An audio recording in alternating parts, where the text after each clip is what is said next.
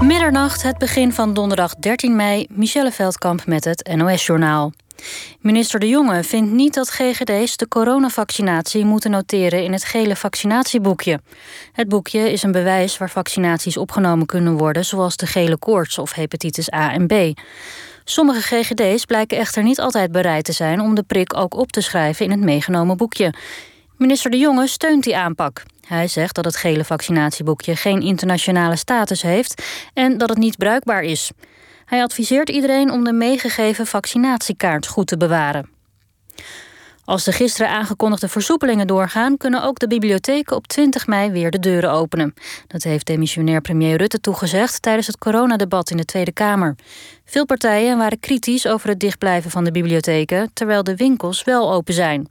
Rutte is het met die kritiek eens. De partijen hadden in het debat nog meer kritiek op wat wordt genoemd de willekeur in de versoepelingen. Zo wil de PVV dat de restaurants ook gasten binnen mogen bedienen.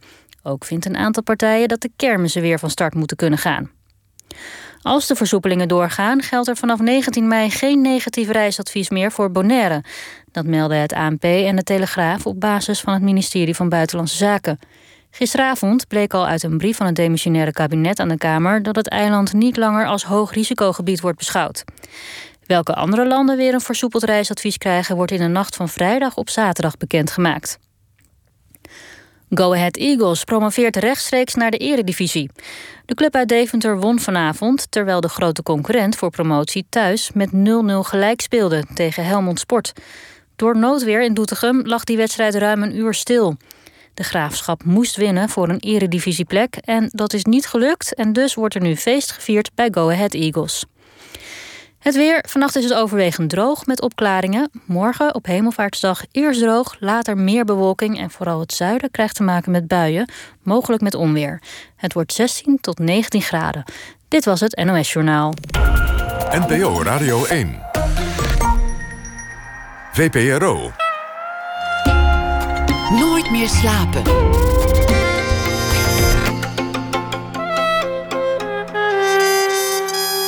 Met Pieter van der Wielen.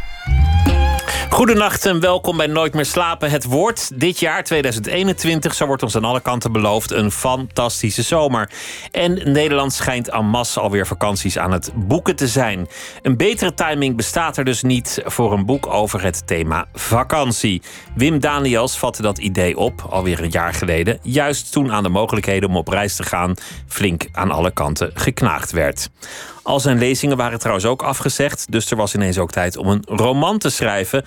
Quarantaine. En die is uh, vorig jaar verschenen. En dan heeft hij ook nog tussendoor een boek gemaakt. Uh, Huppel Nederlands. Over de schoonheid van woorden als flikvlooien en berkenspikkelspanner. Want Wim Daniels is een man van de taal. Hij begon ooit als leraar Nederlands bijvoorbeeld. Hij is zeer productief. Het boek Vakantie is, als ik goed geteld heb, zijn 119e boek. Vakantie dus. Een vrij recente uitvinding heb ik eh, geleerd. Aanvankelijk ook niet voor iedereen weggelegd. Ooit met als belangrijkste doel voor jongeren om wat dikker te worden. En voor sommigen ook om bleek te blijven. Veel te leren kortom over het thema vakantie. Wim Daniels is hier, geboren in 1954. Groeide op in Aarle-Riksel. Dat ligt in het Pilgebied. En hij werd eh, leraar Nederlands en Duits. Maar sinds zijn 40ste is hij zelfstandig. Hij werkt als schrijver, spreker, programmamaker en taaladviseur en cabaretier. Wim Daniels, hartelijk welkom. Leuk dat je er bent. Dankjewel. Wat, wat was dat eigenlijk voor moment dat je dan dacht, nou ja, niemand gaat op vakantie, ik ga een boek schrijven over vakantie? Nou, het stond al wel een tijdje in mijn agenda. Ik heb papieren agenda's, 18 maanden agenda's. Uh, die koop ik. Ik uh, ben nu bijvoorbeeld toe aan de 18 maanden agenda voor de rest van dit jaar en het hele volgend jaar. En dan zet ik achterin, zo gauw ik een nieuwe agenda heb, de ideeën die ik nog heb voor een nieuw boek. En zit er dan ook een beetje een soort deadline van dat moet dan wel ergens in die komende anderhalf jaar Nee. gebeuren? Of Nee, schrijf je gewoon nee. over naar het volgende ding? Ja, daar staan nu nog steeds titels in of ideeën voor boeken die er bijvoorbeeld 20 jaar geleden in een oude agenda ook al in stonden. Dus soms pik ik er een uit. Met sommige ga ik waarschijnlijk nooit iets doen. Maar vakantie stond er sinds een paar jaar bij. En toen corona uitbrak, ben ik daar eens echt over gaan denken. Over mijn eigen vakantieverleden. Hoe zat dat? En zo ben ik steeds verder teruggegaan in de tijd om de hele vakantie, het hele vakantiefenomeen uh, uit de doeken te doen. Wanneer is dat begonnen? Zijn mensen altijd op vakantie geweest? Waarom ben ik nooit met mijn ouders op vakantie geweest? Uh, die hadden daar geen geld voor, hadden daar misschien ook weinig tijd voor, maar het zat ook niet in hun systeem. Dus als je op een gegeven moment op vakantie kunt, lange tijd konden arbeiders niet op vakantie. Mijn vader was een arbeider. Dat is, vind ik zelf ook een fantastische geschiedenis, die ik ook beschrijf in een paar hoofdstukken. Hoe zijn arbeiders vanaf ongeveer 1930 van drie dagen naar meer vakantiedagen gegaan? Simon de la Bella, een man die uh, bij de vakbond werkte. Nederlands Verbond van Vakverenigingen, NVV, heeft zich daar enorm voor ingespannen. Rond 1930 heeft hij een prachtige brochure geschreven arbeiders moeten ook de mogelijkheden hebben om de natuur in te gaan. En uh, hij, hij is helaas uh, in 1942 in een concentratiekamp om het leven gekomen. Was een Joodse man. Uh, heeft in feite het echte vakantiegevoel dat arbeiders twee weken kregen, drie weken kregen, helemaal niet meer meegemaakt. Maar als je uiteindelijk, zoals mijn vader dus ook, wel de tijd hebt en ook wel de beperkte middelen hebt dat je op vakantie kunt qua financiën, dan nog moet je het idee kunnen krijgen. Vakantie, dat is ook voor mijn soort mensen weggelegd. En dat heeft er heel lange tijd bij mijn ouders en bij veel mensen niet ingezeten. Wanneer was hun eerste vakantie? Van mijn ouders? Ja. En waar gingen ze toen naartoe en hoe oud waren ze? Toen waren ze gepensioneerd. Uh, toen was mijn vader. Hun hele leven dus niet op vakantie nee, geweest? Nee, nee. En ik dus ook nooit met mijn ouders op vakantie geweest, omdat die niet gingen. Dus, uh, maar dat was ook niet raar. Ik was geen uitzondering in het dorp. Heel het bestond veel... gewoon niet. Die optie was gewoon niet aanwezig. Nou, je had wel mensen die op vakantie gingen. We hadden bijvoorbeeld één familie in de straat die ging op vakantie. Dat was ook nog wel apart. Want wij hadden ook nog, nog niet zo'n idee. Wat, waar, waar, gaan die, waar gaan die naartoe? En wat gaan die in hemelsnaam doen? Mijn vader dacht zelfs dat ze nooit meer terug zouden komen. Maar uiteindelijk bleken ze dus vier weken lang op een camping in Mol in België te hebben gezeten. Ongeveer 40 kilometer verderop. Dus heel ver weg waren die ook weer, ook weer niet. Dus dat hele fenomeen van ver op vakantie gaan, dat bestond toen sowieso nog niet. Maar de eerste vakantie van mijn ouders was uh, ja, toen, toen ze volgens mij net met pensioen waren. En die vakantie die werd georganiseerd door de Boerenleenbank. De lokale Boerenleenbank waar mijn broer werkte. En die zei tegen mijn ouders, waar busreizen. Als jullie nou ook eens een keer meegaan. Dan kun je wel betalen, het is niet zo duur. En toen hebben ze besloten, weet je wat, we doen het. We gaan met die bus mee naar Valkenburg. Daar ging de reis naartoe. Een week naar Valkenburg. Dat is, dat is hemelsbreed vanaf waar jij opgroeide. Ja, 60 kilometer? Ja, een, een, uur ben je daar wel met de bus. Ja, ja. Maar dat vonden ze toch wel fantastisch. Natuurlijk ook vanwege de andere busreizigers, van wie ze dan een paar mensen wel kenden, natuurlijk. En mijn vader was echt een, uh, ja, wat wij in Brabant noemen, een oude hoer. Dus die kletste graag met andere mensen. Dat vond hij heerlijk. Uh, dus dat, mijn vader vond het ook verrassend genoeg heel fijn. Want mijn vader die had nog helemaal nooit gedacht aan vakantie. Mijn moeder misschien iets eerder. En vervolgens ging die boerenleenbank ook reizen naar het Zwarte Woud organiseren. En uiteindelijk zijn mijn ouders zelfs twee weken met de bus in Oostenrijk geweest.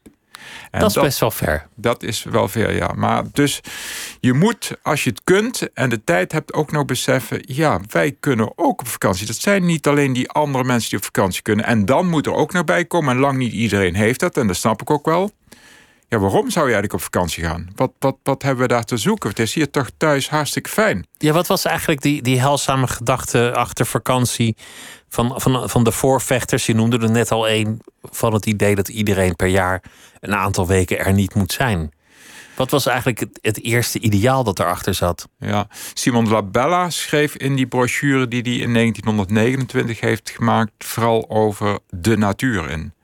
Dus je kunnen genieten van de natuur. Dat had wel alles te maken met de industrialisatie. Hij schreef natuurlijk ook vooral voor arbeiders. Hij was ook uh, iemand die uh, nauw verbonden was met de SDAP, de Sociaal-Democratische Arbeiderspartij, later de Partij van de Arbeid uh, geworden. En als je die fabrieken van vroeger zag, ik heb zelf die fabrieken nog gezien waar mijn vader in werkte, want ik deed daar vakantiewerk toen ik 14 was. En mijn vader werkte in een metaalfabriek. Dat waren echt fabrieken met, met, met stank, met herriemakende machines. En dat beschrijft die Simon de la Belle ook. Die mensen moeten uit die stank, moeten uit die herrie. Die moeten ook de mogelijkheid hebben om in die vrije, rustige natuur te zijn. Wat je schrijft over, jou, over jouw vader, en passant, dat hij, dat hij slechte tanden heeft gekregen van de giftige dampen waar hij de hele dag boven stond. Ja, ik heb mijn vader alleen gekend met een kunstgebit dat, dat elke avond uitging en op het nachtkastje in een glas steradent uh, verdween. Um, dus ik heb hem nooit gekend met zijn echte tanden.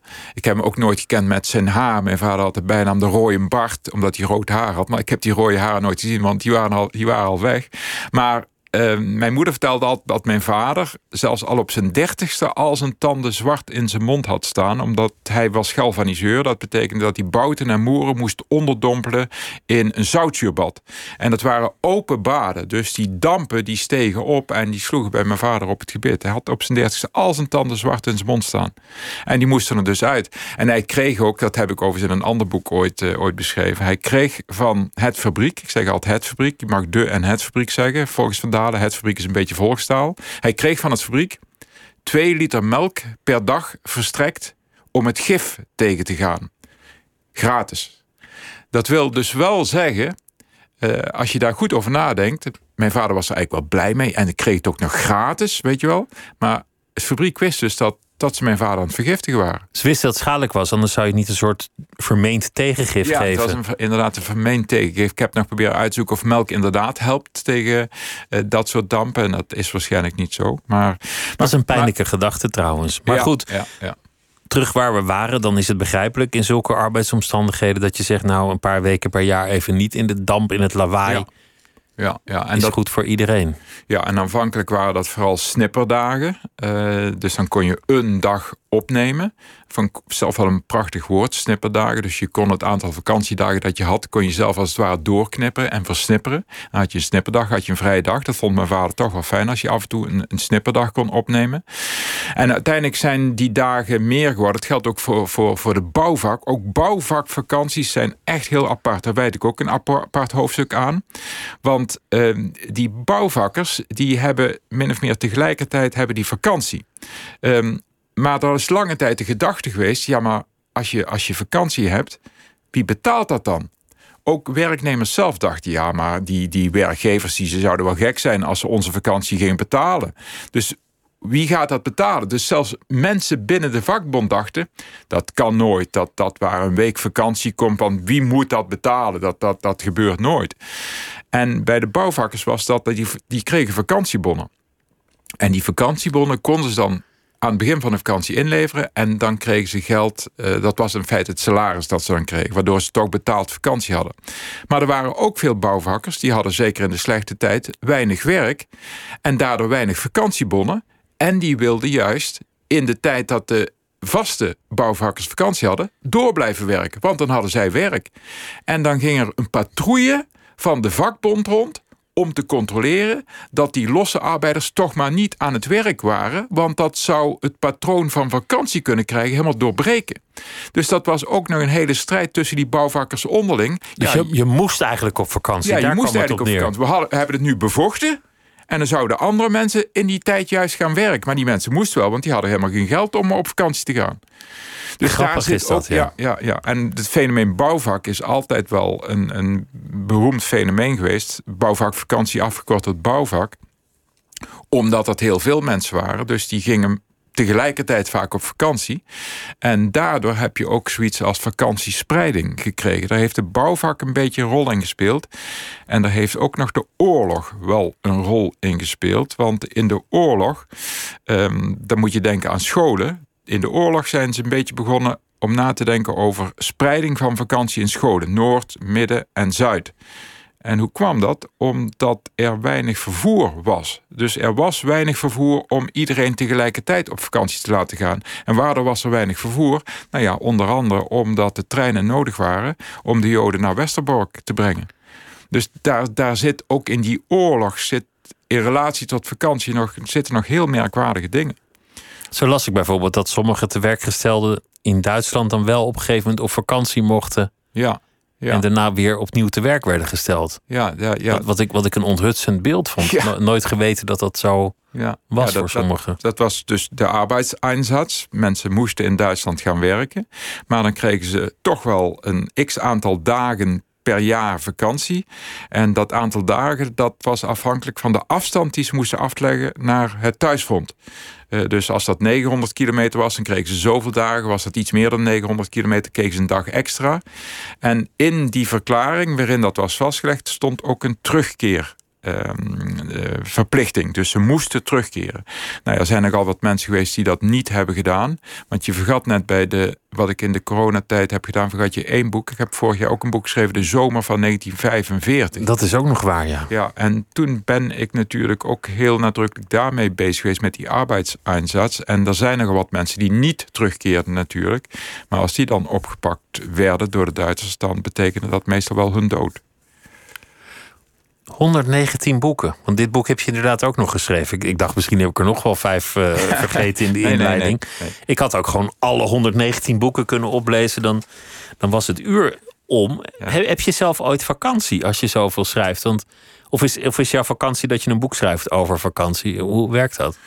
Ehm, ik ben wel, als, als, je, als je mijn vakantiegeschiedenis ziet, ja, die ben ik dus nu ook pas echt door dat boek uh, op vakantie goed op een rijtje gaan zetten. Ik ben begonnen als uh, achteropzitter bij mijn vrienden die een brommer hadden. Uh, in 1970, toen was ik 16. Mijn vrienden hadden alle zes een brommer. Ik had zes vrienden die hadden alle zes een brommer. Ik had er geen. en ik zat bij de jongen die de beste brommer had. Die had een Zundap. Zat ik achterop. Uh, mijn, mijn uh, Henk Biemans, mijn vriend Henk Biemans. Ik zat bij hem achterop. En ik had toen een theezeefje van thuis meegebracht. Twee, twee aan elkaar geplakte theezeefjes. Um, en daarmee was ik een soort van Theo Komen een rijdende reporter achterop de brommer. Jij, jij legde verslag van de, de hele vakantie. Ja, ja en die, dat, die twee en plagen theezeefjes, dat was dan de microfoon. En als ik toen wij thuis kwamen van die vakantie, maakte ik ook daadwerkelijk een vakantieverslag. En dat stencilde ik. En dat liet ik dus aan mijn vrienden lezen. De schrijver was al je natuurlijke functie in, in de groep destijds. Ja, ja, ja. Wat was het dan ook? Want ik, ik las onlangs een ontzettend geestig boek gaap en de kunst van het motoronderhoud of het brommeronderhoud. Was dan ook de hele vakantie klussen aan die brommers? Zo'n ja, daar kwam veel aan kapot. Ja, wel veel. Eén woord staat mij daarbij, want ik ben zelf, ik heb nooit een brommer gehad. Ik weet er ook bijzonder weinig van. Maar spruitstuk. Het ging bij die jongens voortdurend over het spruitstuk waar iets mee aan de hand was. zegt het jou iets? Ja, volgens mij hebben auto's soms ook nog een, een spruitstuk. Want aan mij, ik heb auto's waar alles aan kapot is geweest. En volgens mij heb ik die ook wel eens gehoord. Ik vond het een fantastisch woord, spruitstuk. Ja, daar was, daar was vrij geregeld iets mee met, met het spruitstuk. Maar toen, ik, uh, toen, toen die uh, brommerperiode achter de rug was, brommers die zijn lange tijd wel. Een brommer bestaat pas sinds 1950. Dus een brommer is ook echt wel een late uitvinding. Het woord brommer is ook nog ooit bedacht door een journalist van het Parool. Het is een klanknabootsend woord. In 1950 bedacht door een journalist van het Parool. En in 1970 was de brommer wel een belangrijk vervoermiddel voor jongeren op vakantie te gaan, terwijl de brommer nu niet meer bestaat. Min of meer niet meer bestaat. Je ziet nauwelijks nog brommers. Je ziet wel scooters, maar eigenlijk geen brommers meer. Maar de brommer was het werkpaard. Met een scooter kon je niet op vakantie, maar met een brommer kon je wel op vakantie. Um, maar toen die brommerperiode. Een, een, brommer is soms ook een schakelbrommer. Een brommer maakt iets meer geluid. Wat, wat is eigenlijk het fundamentele onderscheid tussen den scooter en, en de brommer? Aanvankelijk was dat ook wel een geslachtsonderscheid. Eh, een brommer was voor jongens en een scooter was voor meisjes vooral. Dat zie je ook al op die foto's uit de jaren 50. Want de scooter dateert ook uit die periode. De, Vespa bijvoorbeeld. Uh, vernoemd naar de bij, die zoemend geluid maakt. Um, eh, dat, dat, daar kon je niet heel ver mee, maar daar kon je wel een beetje mee. Ja, je kunt dat woord niet echt gebruiken, maar met een scooter kon je flaneren. En met een brommer kun je niet flaneren. Dat is wat sierlijker. Een brommer, dat, is, dat moet je aantrappen en, dan, en dan gaan. Maar, maar je, bent wel in die zin een kind van je generatie. Je bent later ver op reis gegaan. Je hebt, je hebt de wereld gezien. Ja. Terwijl je ouders. Liften, vooral. En waar, waar ben je allemaal gaan liften? Uh, ik heb een hele lange liftreis gemaakt, van een jaar zelfs, met, uh, met uh, mijn vriendin van toen, met wie ik ook getrouwd ben nu. Ehm, we hadden een retourticket gekocht van Amsterdam naar New York. Dat kon toen. Je kon een kaartje kopen en dan moest je binnen een jaar terugkomen. En wij zijn dus naar New York gevlogen. En vanaf New York zijn we gaan liften naar San Francisco. En vervolgens zijn we zuidwaarts gegaan naar Mexico, Costa Rica. We zijn ook nog via naar Cuba geweest even.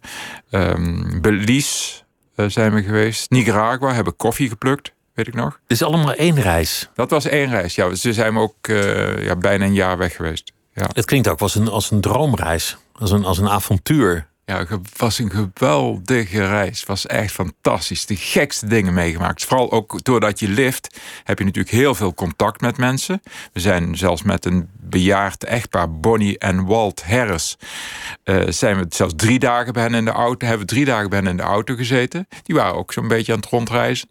En dan zijn we later, nog jaren later, zijn we nog een keer bij hen in Californië wonen. Ze op bezoek geweest zelfs. Dus die zijn nog zelfs vrienden van ons geworden. Ook, ook minder leuke ontmoetingen, want dat kan natuurlijk ook als je, als je lift. Ja.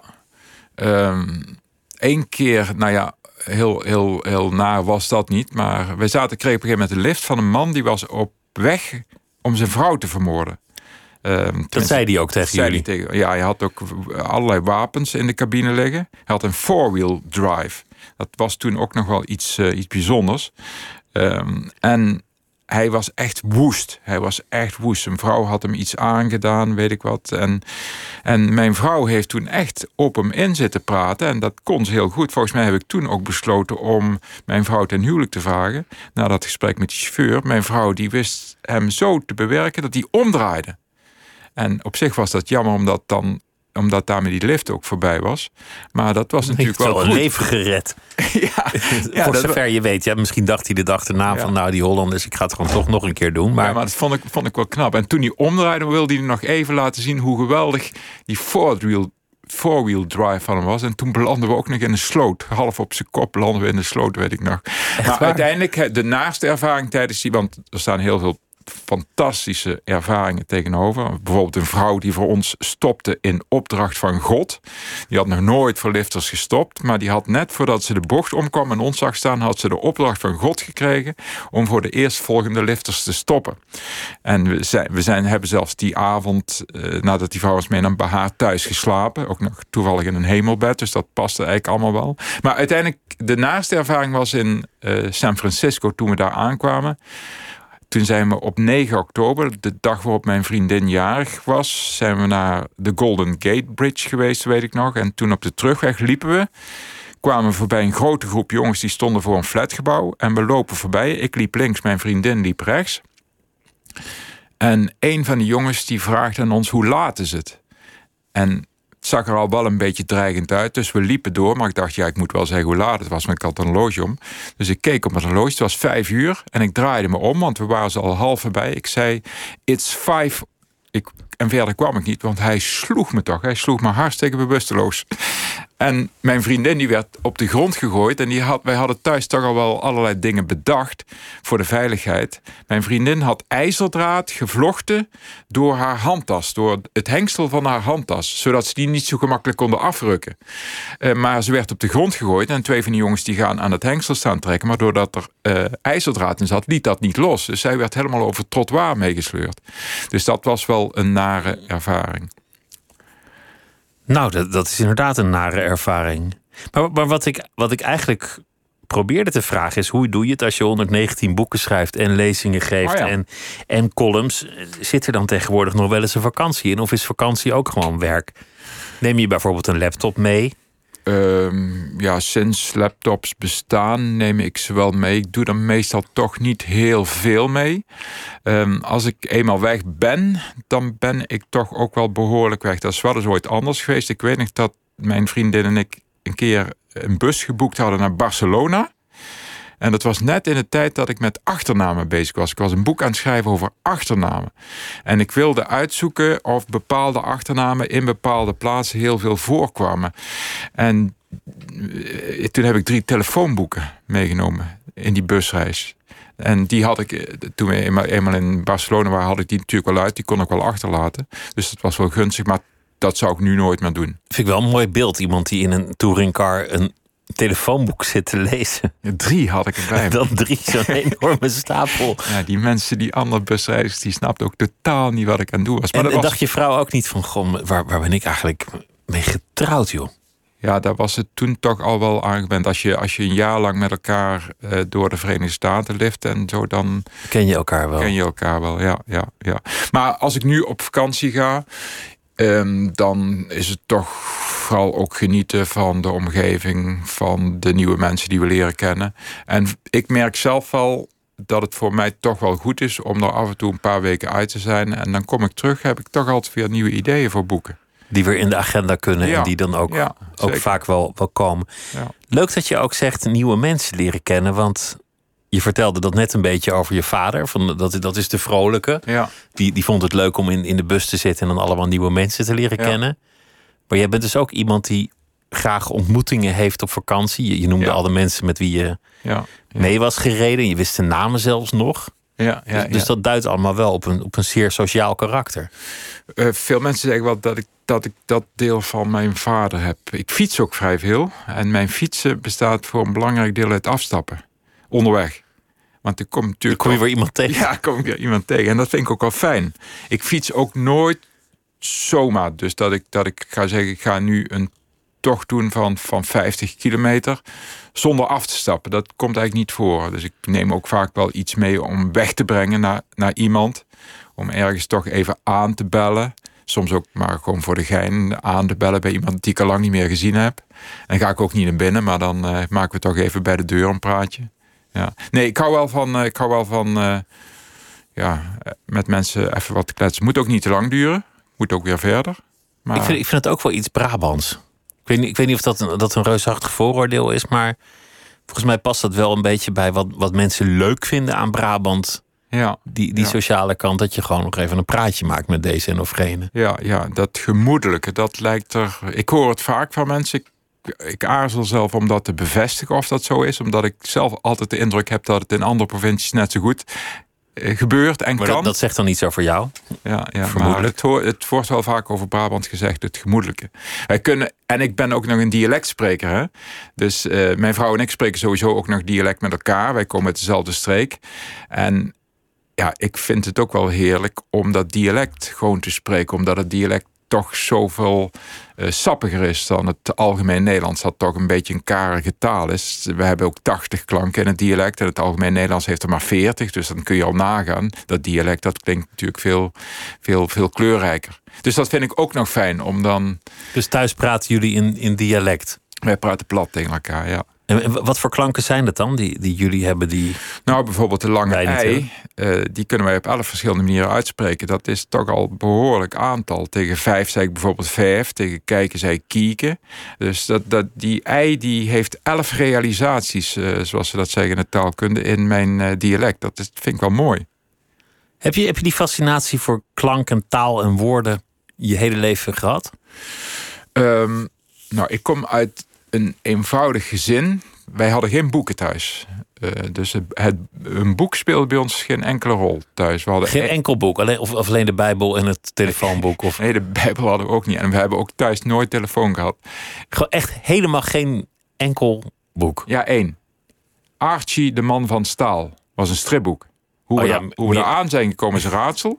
Maar we hadden het wel. Meer heb je ook niet nodig. Nee, nee het is eh, volgens mij, volgens mij nu een collectors item. Maar ik heb het zelf niet meer. Maar we hadden geen, geen boeken. Maar ik heb wel ehm, docenten gehad op de middelbare school. Die mij zo ontzettend nadrukkelijk de liefde voor literatuur hebben bijgebracht. Een paar weken geleden is Bertje Kuipers overleden. Bertje, die een, een, toch een soort van vriend van mij is geworden, was mijn docent Duits op de middelbare school. En Bert, die kon prachtig vertellen. Het was, ook, het was echt ook een humorist. Die begon elke les ook met een mop. Fantastische moppen kon hij ook vertellen. Ehm, en Bert is overleden aan corona een, een paar weken geleden. Ehm, echt een goede fan, maar die had ook qua literatuur had hij voorkeur en smaak en wist hij dat over te brengen op in ieder geval op mij.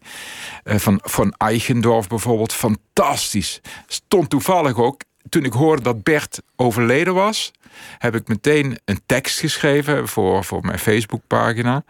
En ik eindigde die tekst met een citaat van Von Eichendorf. En Twee dagen later kreeg ik uh, de, de rouwkaart van Bert. En daar stond natuurlijk toch ook een gedicht van Van Eichendorff op. Dat vond ik zo bijzonder. Bert was voor mij wel belangrijk. Ik ben daarna ook Duits gaan studeren en Nederlands. En Nederlands ben ik gaan studeren door een docent die ik twee jaar geleden heb begraven. Harm Savenijen. Die zat in een stoel die hij volgens mij van thuis had meegebracht. En daar zat hij te roken. En die kon zo geweldig mooi voorlezen. Voor mij was dat echt een openbaring. Hij las voor uit boeken van Anton Koolhaas, dierenverhalen. En ik was helemaal van de wereld zoals hij voorlas en ook door die dierenverhalen. Die dierenverhalen die hebben iets filosofisch. Ik weet niet of je ze kent. Nee, ik ken, wel andere dingen, geloof ik, van Anton Koolhaas, maar, maar niet dierenverhalen. Nee, hij, ja, hij heeft heel veel dierenverhalen geschreven. Hij schreef één boek per jaar in de kerstvakantie. Want voor de rest had hij geen tijd, want hij was directeur van de Filmacademie in Amsterdam. Zaten ook vaak wel wat slordigheden in. Die werden eruit gehaald door Wam de Moor, de literatuurcriticus. Die was een beetje zijn corrector. Maar ik vond en ik vind die dierenverhalen van Anton Koolhaas... hij is de vader overigens van Rem Koolhaas... Um, fantastisch. En toen dacht ik, toen mijn docent Nederlands Harm Savenij daar weer iets uit had voorgelezen, nu wil ik thuis daar ook uit kunnen lezen. En toen ben ik voor het eerst van mijn leven naar de bibliotheek gegaan in Helmond. En ik sta daar voor de kast in Helmond. Bij de boeken van Anton Koolhaas was toch al een aardig rijtje. Ik pak een boek uit de kast. Ik weet nog precies de titel. Een gat in het plafond. Was de titel van het verhalen. En ik sla dat boek open bij het verhaal Kou. Het waren allemaal korte verhalen. En het verhaal Kou gaat over dieren, gaat over een beer. En ik las, terwijl ik daar stond voor die kast, met het boek open, bij het verhaal Kou, de eerste zin van het verhaal Kou. Ik zal hem citeren. Ik was totaal verbijsterd. Die eerste zin gaat als volgt: het gaat over een beer. Aangenomen dat alles goed is geregeld, dan ben ik de laatste tijd tamelijk nijdig, dacht de beer Burlo. Ik zal hem nog een keer herhalen, want het is een ingewikkelde zin. Aangenomen dat alles goed is geregeld, dan ben ik de laatste tijd tamelijk nijdig, dacht de beer Burlo. Die zin klopt niet. Daar zit iets onlogisch in. Want wat is er dan geregeld waardoor iemand nijdig zou moeten zijn? En, en, en ja, en de laatste tijd ook. Het, dat, is, het is onlogisch, maar ik dacht ook meteen... ja, maar een schrijver die gaat niet als eerste zin van een boek... iets onlogisch opschrijven. Die weet toch wel beter? Later ben ik er overigens achtergekomen dat sommige schrijvers dat wel doen. Ik heb ooit een boek gelezen dat begon met de zin... Ho, siste hij. Ho kun je niet sissen. Volstrekt onmogelijk. Dus soms schrijven schrijvers wel onzinnige Meteen de mist in. Ja. Vanaf bladzij 1. Maar toen ben ik tot de conclusie gekomen voor mezelf. Ik wist, weet natuurlijk niet of, of dat, of dat uh, echt zo is. Maar dat Koolhaas daarmee wilde zeggen... door die beer dat te laten denken... in taal is alles mogelijk in de werkelijkheid van alle dag is niet alles mogelijk, maar in taal is wel alles mogelijk. En dat vond ik voor mezelf, als ik achteraf moet zeggen, vond ik voor mezelf het begin van mijn liefde voor taal. Met die... De vrijheid, de mogelijkheden. Ja, ja, ja. en dat iemand dat zo kan opschrijven. Ja. Wat, wat vonden je ouders ervan? Want, want je ouders hebben een, een nou ja, bescheiden leven uh, gehad, als je, wat je net vertelde.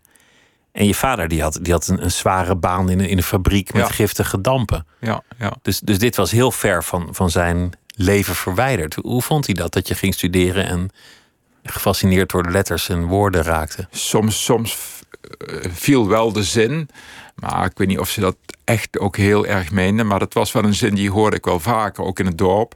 Uh, je verleest uw heel verstand. Je verleest je hele verstand.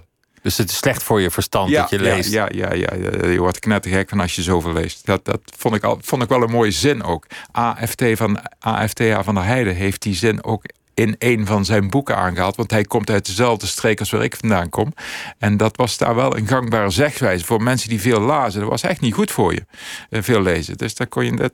Maar, maar ik was de jongste thuis. En um, bij ons heeft toch wel mensen, de kinderen die, want we zijn ook twee kinderen heel vroeg gestorven, um, die ik zelf ook niet gekend heb. Die zijn al, waren al dood voordat ik geboren uh, was. Uh, maar die andere drie, die hebben ook alle drie de MULO gedaan. Dus, dus toch al een, een, stapje verder. Ja, ja, en dat was ook wel een mijn vader had wel het liefst gehad dat ik bijvoorbeeld toch gewoon in het fabriek zou komen werken. Dat vond hij wel mooi, maar hij vond het ook wel mooi. Maar ondanks die giftige dampen en dat het hem zelf zijn gebit had gekost. Ja, maar hij was ook wel op de een of andere manier trots op dat werk. Dat hij, hij had echt het allerslechtste werk dat daar gedaan moest worden. Echt het, het smerigste werk. Ik ben, toen ik vakantiewerk deed, ik mocht niet dat die ruimte binnen waar hij stond. Dat mocht niet. Maar er mocht niemand binnen. Ook als de directeur kwam van het fabriek. Die bleven allemaal achter een, een, een ja, een soort van, van gordijn staan. En dan riepen ze iets naar mijn vader. Daar kwam eigenlijk niemand binnen. Maar mijn vader die vond dat op de een of andere manier toch, kijk mij eens. En later was ik een keer. Ehm, moest ik spreken op een bijeenkomst in Helmond, waar ook een familielid van die fabrikantenfamilie, van dat fabriek waar mijn vader werkte, sprak. En toen zei die man, die moest spreken voor mij, die zei: De fabrikanten die hebben Helmond groot gemaakt. En dat stak mij wel. Want het maakt mij ook, als je het zo vertelt, een beetje kwaad. Ja, dat je ja, iemand ja. in zo'n ruimte was ik aan staan. de beurt. En toen was de eerste zin die ik zei tegen hem, dat kwam er een beetje hard uit, maar in Brabants kon dat wel. Ik zeg, flikker toch op met jouw oude Dat wil zeggen, je hebt volkomen ongelijk wat je nu zegt. Niet de fabrikanten hebben, Helmond groot gemaakt, maar de arbeiders die hebben Helmond groot gemaakt. Mensen zoals mijn vader. Wat, wat hem is eigenlijk wel, als je het zo hoort, onrecht aangedaan. Ja, toch? zeker. Ja, ja. Ik vind zelfs dat ze, na, dat ze zoveel jaar na daadwerkelijk nog schadevergoeding moeten betalen. Voordat, want, want is hij jong gestorven uiteindelijk? Nee, hij is eigenlijk oud gestorven. Hij is eigenlijk oh, niet oud, hij is, hij is 82 geworden. Maar ik sprak een keer. Mijn vader was echt sterk, was een sterke beer. Die kon echt alles aan. Hij deed, behalve dat hij dus op fabriek werkte, hij werkte in ploegendienst, ging hij ook nog met de groenteboer mee.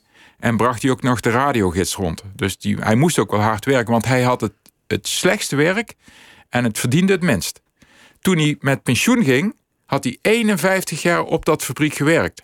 En toen kreeg hij van dat fabriek als afscheidscadeau een fiets. En twee weken nadat hij die fiets had gekregen, vielen de spatborden eraf. En toen ben ik erachter gekomen dat het fiets was, die stond, had een paar weken daarvoor als aanbieding in de krant gestaan. Dus dan heb je 51 jaar op de fabriek gewerkt, krijg je een fietscadeau die, die al heel snel uit, uit elkaar valt. Een K-fiets krijg je en, dan. En ik weet ook nog dat hij, eh, toen hij zijn eerste pensioen kreeg, dat die, dat, dat was zo weinig dat hij dacht, hier moet een fout zijn gemaakt. En toen is hij, moet je nagaan, dat iemand dan, die is met pensioen 51 jaar gewerkt, toen is hij naar het fabriek gefietst om te vragen, ja maar dit kan niet, er is een fout gemaakt. Nee, maar het bleek toch wel te kloppen. Dus hij kreeg ook nog heel weinig pensioen. Toch schets je hem als een, als een vrolijke man. Ja. Maar je noemt ook dat er twee kinderen zijn overleden. Ja, ja, ja. Uh, ook voor jouw geboorte, want er was al eerder een Wim. Ja. Dus, dus jij was eigenlijk gewoon de vervangende Wim in, ja, in die ja, zin. Ja, ja. Sommige, som, soms wordt, wordt dat een schaduwkind genoemd. En sommige mensen hebben er ook wel last van gehad. Ik denk bijvoorbeeld dat Vincent van Gogh, de schilder die we kennen, daar erg veel last van heeft gehad. Dat op de dag dat hij geboren is, precies een jaar daarvoor, is zijn broertje Vincent overleden. En zijn ouders hebben op Vincents verjaardag niet alleen zijn verjaardag gevierd, maar vooral ook het overleden broertje Vincent herdacht. Uh, bij ons speelde dat geen rol. Ik heb daar nooit last van gehad. Ik heb zelfs een tijd lang voor het graf van mijn broer Wim gezorgd. Mijn ouders hadden daar een heel mooi kruis voor laten maken. Met ik heb er zelfs nog een foto van. Met erop de tekst een houten kruisje. Hier rust ons lieve Wimke. Dat vond ik fantastisch. Die zin vond ik zo mooi. En dat heel eenvoudige kruisje op het kinderkerkhofje. Veel kerkhoven op, bij katholieke kerkhoven hebben een kinderkerkhof waar jong gestorven kinderen liggen. En in Adrixel hadden wij dat ook. Ik kom dan nog wel eens op dat kerkhof. Uh, en er zijn nog een paar graven van, van vroeger over. Dat graf van mijn broer Wimke. Um, dat was op, een, was, op, was op een dag opeens weg. Zonder dat mijn ouders daarvan wisten. Wat, wat is daar gebeurd? En ik heb zelfs um, ten behoeve van uh, dat boek waar we het net heel even over hadden, De Zomer van 45. Want mijn moeder was in de zomer van 1945 in verwachting van mijn broer Wim.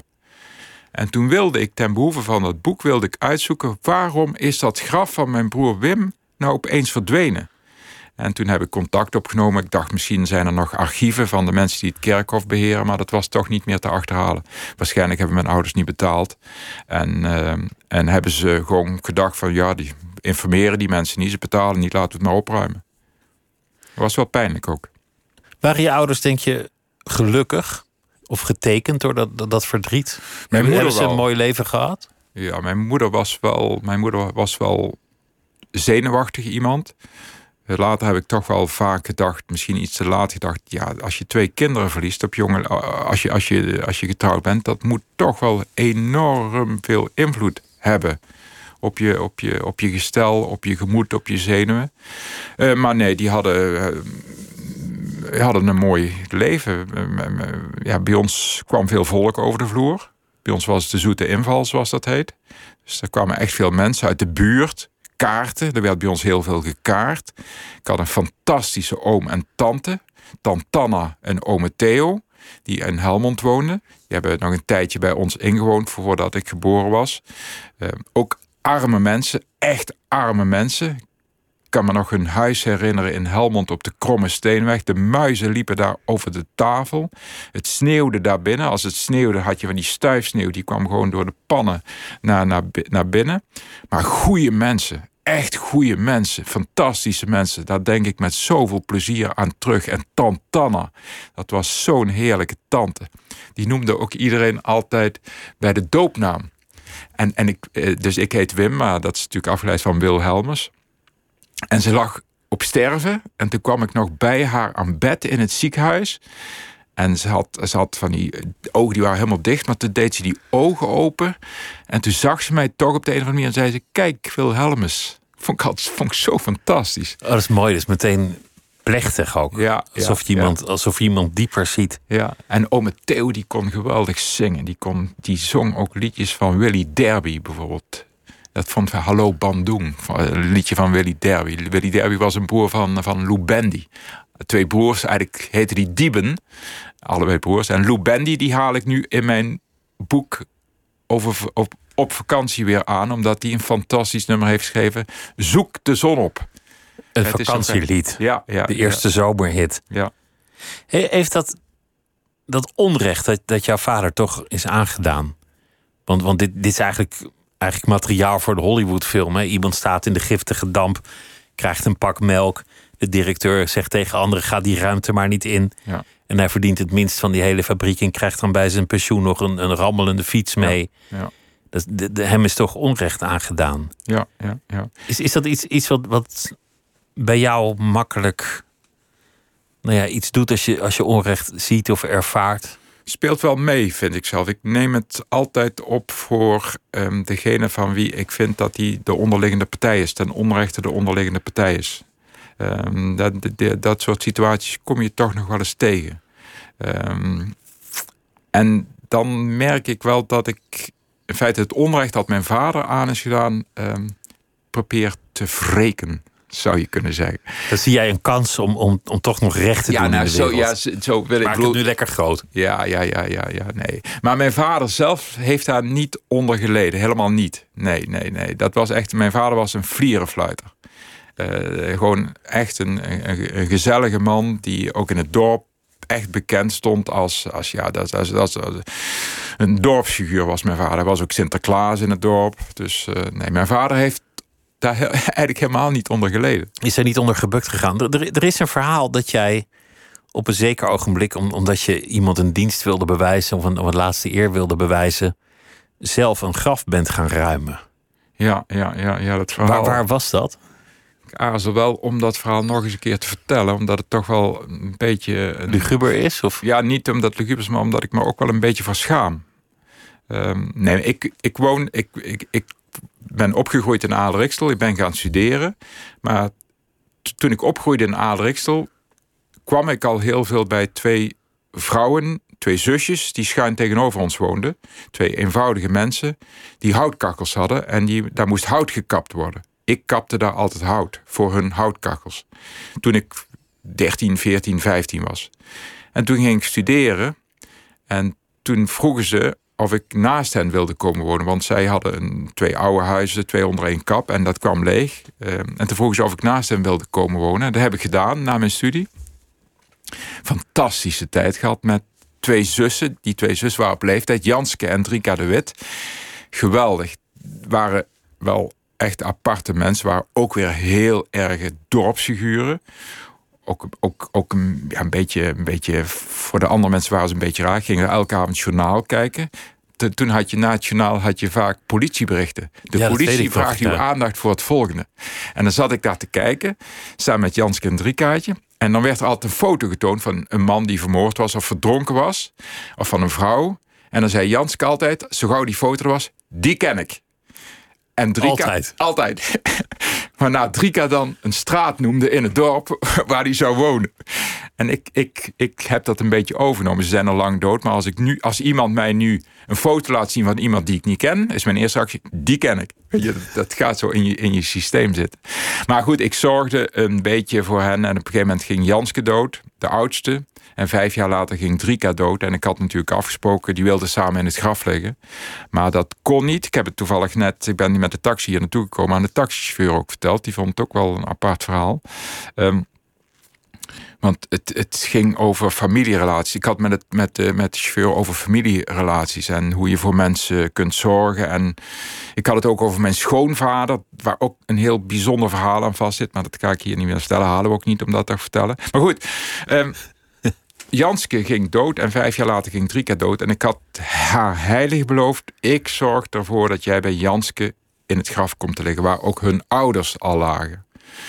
Um, de man van Drika, dus die vijf jaar later doodging, die lag daarnaast. Maar dat was een heel slecht huwelijk. Dat huwelijk dat heeft niks voorgesteld. Die hebben ook maar één nacht bij elkaar gelegen. Uh, Janske en Drika hebben altijd samen in bed gelegen. En Janus, die man van haar, die... die... En toen, had mij al van tevoren gevraagd, voordat ze zelf stierf... wil je alsjeblieft het graf van Janus opruimen... zodat ik niet naast hem kom te liggen. Dus ik heb het graf van Janus op, opgeruimd. Uh, dus daar, uh, daar lag inmiddels de voorzitter van ASV, van de, van de voetbalclub. Het is echt een, een, een, een heel merkwaardig verhaal. En toen kwam de pastoor naar mij toe, toen drie keer doodging. Een dag voordat ze, twee dagen voordat ze begraven zou gaan worden. Van, ja, ze kan er niet bij, want Janske is te hoog gelegd die was vijf jaar geleden te hoog gelegd, dus niet diep genoeg. Ik zeg ja, maar die kist is toch al lang vergaan. Die, uh, uh, en bovendien kan die doodsgraven Janske dan toch wel lager leggen. Ja, maar de doodsgraven had ik al, had de pastoor al gevraagd, maar die wilde dat niet doen, die doodsgraven. Want die had gezegd, ja, van iemand die vijf jaar dood is, kom je nog te veel tegen. Dat wil ik niet doen. En toen zei ik in een onbewaakt ogenblik, mag ik het dan niet zelf doen? En toen moest ik wel toestemming hebben van de burgemeester. Die was niet bereikbaar, die zat in de trein, was nog geen mobiele telefoon. Toen heb ik toestemming gekregen van de commissaris van de Koningin, Hoebe. Die had ik op de een of andere manier heel snel aan de lijn. En die gaf toestemming. En toen ben ik s'avonds met mijn broer en met een andere jongen uit het dorp, Jos Hendricks. Uh, ja, heb ik, mijn, heb ik Janske opgegraven. Eerst opgegraven om haar vervolgens een meter lager te leggen. Zodat Drika er de dag daarna bij kon. Oeh, dat, dat is een moedige klus van je. Dus, dus je, hebt een, je, hebt, je hebt het graf geopend.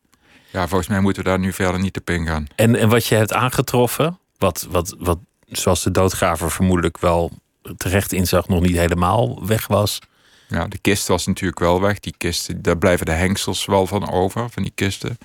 Maar van die kisten kom je verder niet meer tegen. Maar deze, nee, ik ga er verder niks. Uh, ga er nu, ik heb het verhaal ooit verteld en ik moet dat ook denk ik niet meer uh, vertellen op de een of andere manier. Dat weet ik niet. Het voelt niet zo goed om het nog een keer te vertellen helemaal. En als je niet heel goed slaapt, omdat je, nou ja, om wat voor reden dan ook, Komt het dan boven in je, in je dromen? Nee, nee, nee, nee. Ik kwam een tijd terug uh, die vriend van mij tegen Henk Biemans van toen, bij wie ik achter op die Zundap zat toen ik 16 was. Toen we voor het eerst op vakantie gingen naar het buitenland. En die heeft een bedrijf in traumaverwerking. En die had mijn verhaal, dit verhaal, ergens gehoord. En die was het eerste wat hij aan mij vroeg toen ik hem zag. Ik had hem al jaren niet meer gezien. Uh, ja, je kunt wel bij mij in behandeling komen. Ik heb er, ik heb er geen last van. Ik heb het, toen de eerste maanden daarna heb ik er wel slecht van geslapen. Maar. Uh, Toch heb je iets goeds gedaan. Je hebt iemands laatste wens gehonoreerd. Ja, uh, ik denk dat het nu ook nooit meer zou mogen. Uh, maar toen was, dat geeft ook wel aan wat, wat er in een dorp kan. Toen dacht ze, ja, Wim, die heeft er nou eenmaal beloofd aan 3K. Dan moeten we dat met z'n allen toch kunnen regelen. En zo werd dat ook geregeld. Ook de commissaris van de, van de koningin die had er alle begrip voor. Dat vond ik fantastisch. Dat is het mooie aan het dorp. Je, je hebt ook een serie gemaakt voor, eh, voor de Omroep. Ja. Omroep Max. Ja. Samen met, met Huub Stapel. Ja. Over, over het dorp. En er komt zelf weer een nieuwe serie. Ja, dat, dat las ik. Dus dat gaat door. Ja, ja, dat heeft nog wel een tijdje geduurd voordat NPO 1 dat, dat, eh, dat eh, doorzette. Omdat ze toch geloof ik een jonger publiek wilden aanspreken. Maar we hadden 1,2 miljoen kijkers per aflevering bij het dorp. Dus dat is echt wel veel. En nu mogen we weer zes nieuwe afleveringen maken. Dat gaan we in september eh, doen. Ondanks dat het niet... Want het moet allemaal jong publiek zijn. Alsof een oud publiek niet ook een leuk publiek kan zijn. En alsof wij met het programma Het Dorp niet ook jongeren kunnen aanspreken. Ja, die, die wonen toch ook in, in een dorp of die willen daar iets van steeds weten? of- meer, steeds meer. Want jongeren die kunnen de stad niet in omdat het daar onbetaalbaar wordt. En veel jongeren hebben een, een toenemende loyaliteit aan hun dorp. Eh, dat, dat zie je echt. Dat, dat jongeren, als daar gebouwd gaat worden voor die jongeren, wat vaak niet gebeurt in die dorpen, dan willen die jongeren graag blijven. En die jongeren zijn belangrijk om dat dorp levend te houden.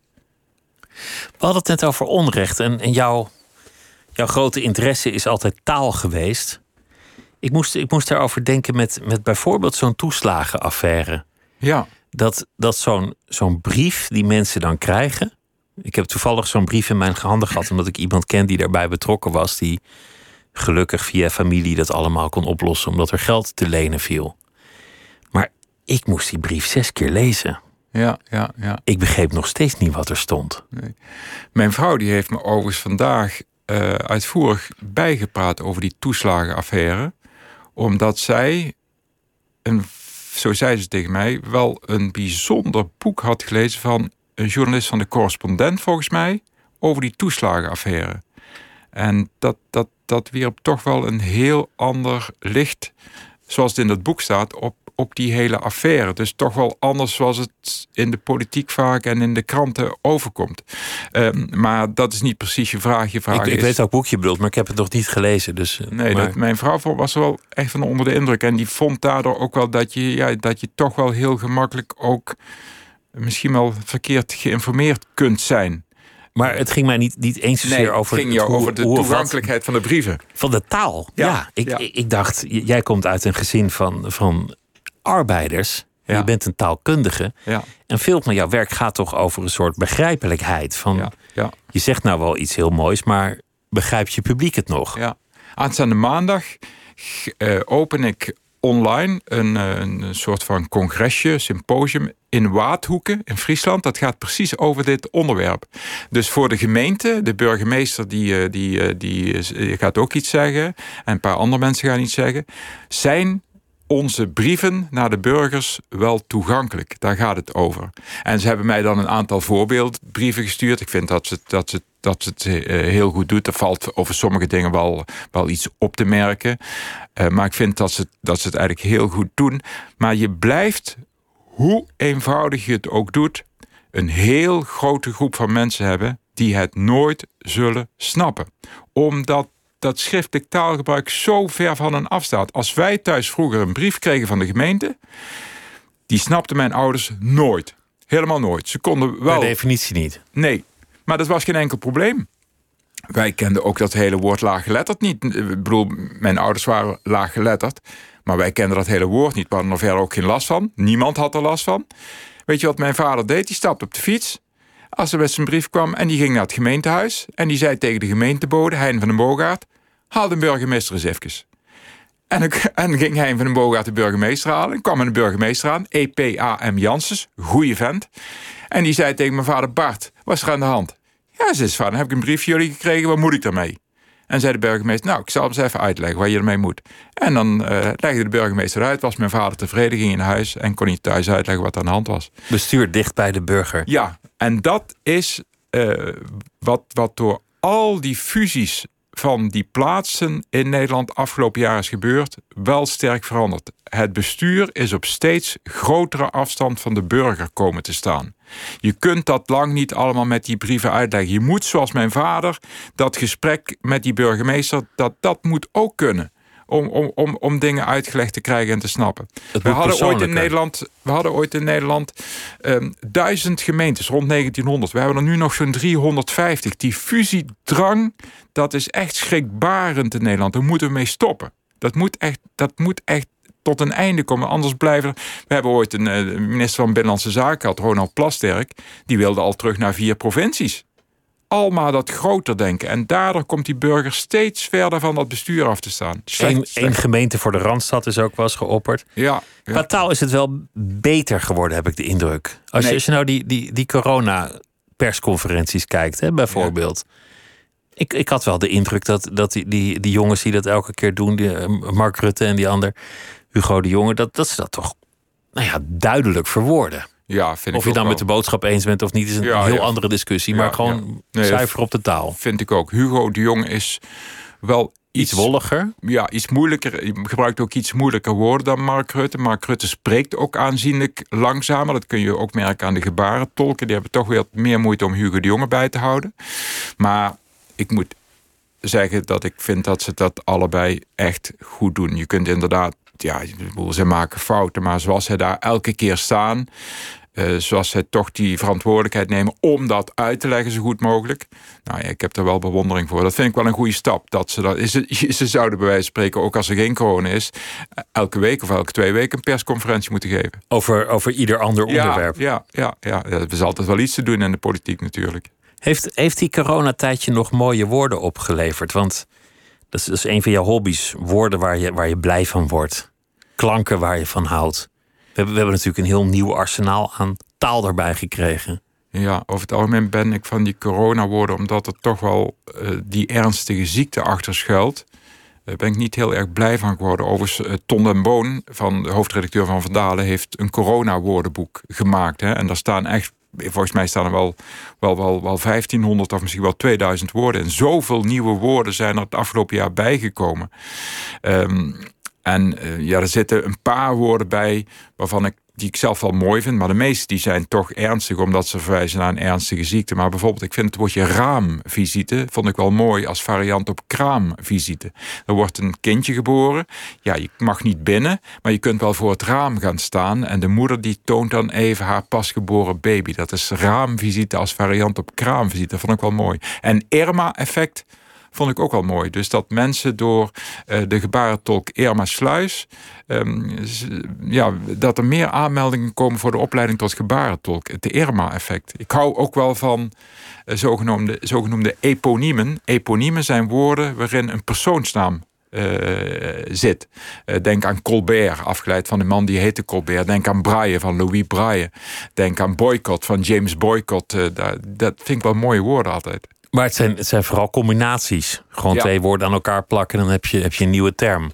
Op zich niet heel spannend in die zin. Nee, maar je eert wel in zo'n woord. Je eert iemand in een woord. Dat vind ik wel mooi. Ik las vanochtend, in, in de morgen was het geloof ik, versoepelingsvrees. Ja, ja. Voor, voor mensen die eigenlijk helemaal niet graag op vakantie gaan en die, die ja, een beetje een sociale fobie hebben of introvert zijn of het gewoon altijd druk hebben. En die bang zijn voor alle versoepelingen die nu zo in één keer op ons afkomen, dat ze weer allerlei dingen moeten. Ja, en die eigenlijk wel blij waren dat ze meer dan een jaar niks hoefden te doen. Ja, ja, of dat je op een kantoor werkt en dat je dan weer naar dat vreselijke kantoor moet, omdat je niet meer thuis mag werken. Ja, en dat je misschien ook wel blij was met die avondklok. Dat het lekker rustig was op straat. Dat jij ook zeker weet, ik moet binnen blijven. Ja, ja daar kan ik me ook wel iets bij voorstellen. Dat je maar een mooi woord, versoepelingsvrees. Ja. Er zit ook een mooie alliteratie ja, in. Zeker, ja, ja, ja. ja. Een soepel woord is dat ook. Een soepel woord. Ja. Je, je doet dit nu al, al nou ja, sinds je veertigste. Je, je, je, was een docent, gewoon een leraar. En je staat op eigen benen. En nou ja, je, je schrijft, je maakt programma's, je geeft lezingen je, je, je draaft overal op. Uh, soms voor, voor niet, soms voor een fles wijn, uh, soms voor een, voor een mooi bedragje. En je houdt je eigen broek op. Maar wat is, wat is eigenlijk die keuze geweest van ik ga het gewoon helemaal zelf doen? Dit wordt mijn bestaan. Ik was er te druk mee. Ik weet nog dat ik uh, werkte op een school. maar dat ik in de pauze niet meer naar de lerarenkamer ging. Maar in de klas bleef zitten om door te kunnen schrijven aan waar ik mee bezig was. En toen dacht ik bij mezelf, dat moet ik toch zo niet langer doen. Ik moet dan kiezen voor dat schrijverschap dat mij toch wel heel erg trok. Um, ik ben erg geïnteresseerd geraakt in literatuur, in boeken. Ik hou heel erg van boeken. Ik heb heel veel, ook wel veel gelezen. Maar het boek op zich interesseert mij ook wel. Ehm, dus ik heb op een gegeven moment gewoon de keuze gemaakt. En het was toch eigenlijk in een slechte tijd dat, je, dat, je niet, dat het niet verstandig was. Zeiden veel mensen om ontslag te nemen, want je komt nooit meer aan de bak. Uh, maar het heeft goed uitgepakt voor mij. Ja. Dat, dat, is, dat is een ding dat, dat zeker is. 119 boeken, dus uh, ja, ja, dat, dat lijkt me een soort bewijs. Bijna overdreven. Wim Daniels, dankjewel dat je te gast wilde zijn. Het was een genoegen en ik wens je een, uh, een fijne reis uh, terug met onze chauffeur naar Brabant. Dank je. En dit was Nooit meer slapen voor deze nacht. Morgen is Floris Korti hier te gast, bekend van Podium Witteman. Gaat het over klassieke muziek. Straks Milo Brandt op deze zender met Hilco Jansma. Goeienacht, tot morgen.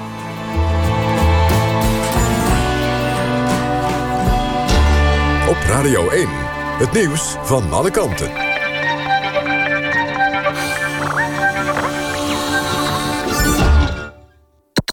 NPO Radio 1.